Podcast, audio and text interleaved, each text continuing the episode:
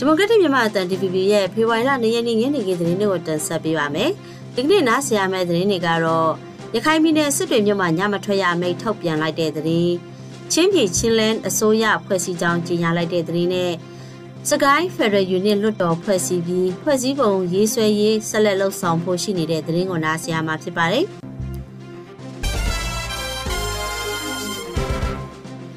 စစ်ကောင်စီရုံးဆက်ရာရခိုင်ပြည်နယ်စစ်တွေမြို့မှာည9:00နာရီကနေမနက်4:00နာရီအထိညမထွက်ရမိတ်ထုတ်ပြန်လိုက်တယ်လို့သိရပါဗျ။စစ်ကောင်စီဘက်ကညမထွက်ရမိတ်ကိုဖေဖော်ဝါရီလ1ရက်နေ့ကစတင်ကြေညာခဲ့ပြီးရက်ွက်ကြေးရွာအုပ်ချုပ်ရေးမှုတွေကနေတဆင့်ရက်ွက်လိုက်ကြေညာခဲ့က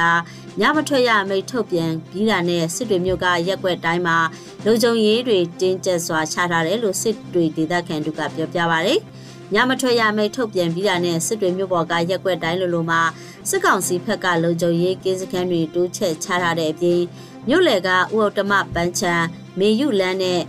အစိုးရဌာနရုံးဆက်ရနေရာတွေကိုပါအသွာအလာကန့်သတ်ထားလိုက်ပါတယ်။စစ်တွေမြို့ပေါ်မှာစစ်ကောင်စီဘက်ကကာနာလာမြို့တွင်ကိုရီးယားစိတ်ကမ်းမေယုလန်းကြီးတော်စင်လန်း ဟိုတယ်စင်းလန်းနဲ့မြို့ဝင်ထွက်ဂိတ်တွေမှာတက်ဆွဲထားပြီးစစ်တွေမြို့ကိုတိမ်းရှောင်လာကြတဲ့စစ်ပေးရှောင်တွေနဲ့ပုတ်သမားရေလုံငန်းသမားတွေနဲ့ပြည်သူတွေကိုနေ့စဉ်ရက်ဆက်ဆိုသလိုဖမ်းဆီးနေတယ်လို့သိရပါတယ်ရှင်။ချင်းပြည်နယ်ချင်းလဲအစိုးရအဖွဲ့ကို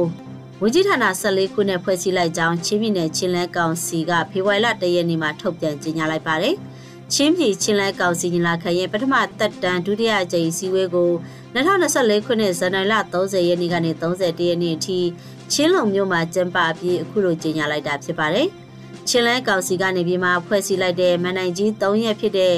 ချင်းပြည်နယ်ချင်းလန်းအစိုးရအဖွဲ့ချင်းပြည်နယ်ချင်းလန်းတရားလွတ်တော်ကျုံနဲ့ချင်းပြည်ချင်းလန်းလွတ်တော်ဆိုပြီးမန်နိုင်၃ရက်ကိုဖွဲ့စည်းတည်ထောင်ထားတာဖြစ်ပါတယ်။ဝန်ကြီးဌာန14ခုနဲ့ဝန်ကြီးချုပ်ပါဝင်အစိုးရအဖွဲ့ကို15ဦး တရားသူကြီးတူနဲ့ဖွဲ့စည်းခဲ့တာဖြစ်ပါတယ်။ချင်းပြည်သူလူထုတွေအတွက်ဝန်ဆောင်မှုပေးနိုင်တဲ့ဝန်ကြီးဌာနတွေကိုဦးစားပေးပြီးတော့မှအစိုးရအလုံးနဲ့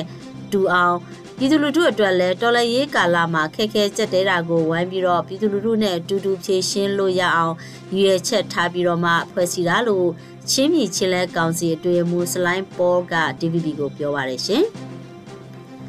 စကိုင်းနယ်ဖရယူနစ်လွတ်တော်ကိုလွတ်တော်မတ်တွေတိုင်းသားလူမျိုးစုကိုယ်စားလှယ်တွေတပိတ်ခေါင်းဆောင်တွေနဲ့ CDN ဝန်ထမ်းတွေအပါအဝင်စုစုပေါင်းလူပုတ်ကို90ခုနဲ့ဖွဲ့စည်းကြောင်းဖေဖော်ဝါရီလ၁ရက်နေ့မှာထုတ်ပြန်ကြေညာပါတယ်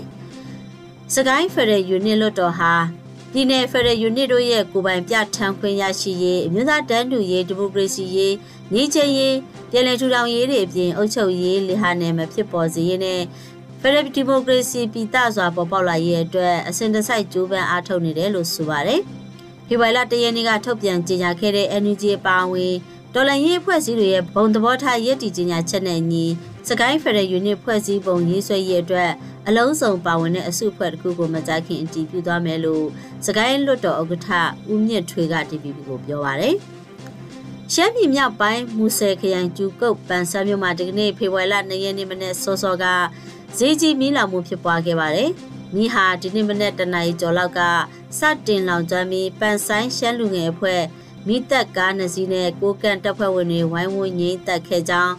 မြေကူးဆက်လောင်ကျွမ်းမှုကျေပြန်လာကြမနေ့၄နိုင်ခွဲလောက်မှမိငိတ်သက်နိုင်ခဲ့တယ်လို့မူဆယ်ဒေသခံကပြောပါတယ်။ဈေးဆိုင်တန်းနှစ်တန်း စိုက်ခန်းပေါင်း20ကျော်မိတဲ့ပါသွားပြီးအဲ့ဒီထဲမှာအဝတ်ထဲရွှေဆိုင်အချုပ်ဆိုင်ဖနက်ဆိုင်နဲ့ကုန်းဆုံဆိုင်တွေပါသွားတယ်။ဆုံးရှုံးမှုတန်မှုကတော့မတွေ့ရသေးဘူးလို့ဆိုပါတယ်။မိလောင်ရတဲ့အကြောင်းရင်းမှာဝါယာရှော့ဖြစ်တယ်လို့ယူဆရကြောင်းဒေသခံတွေကပြောပါတယ်ရှင်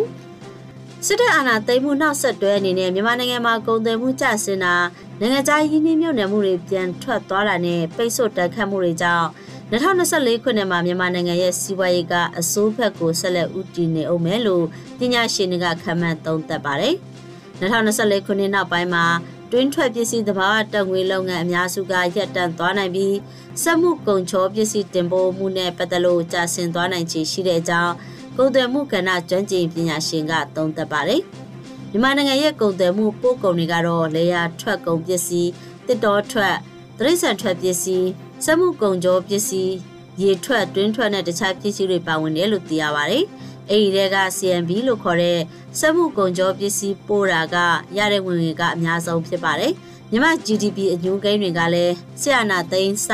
2021ခုနှစ်အနုတ်6ဖြစ်ခဲ့ပြီး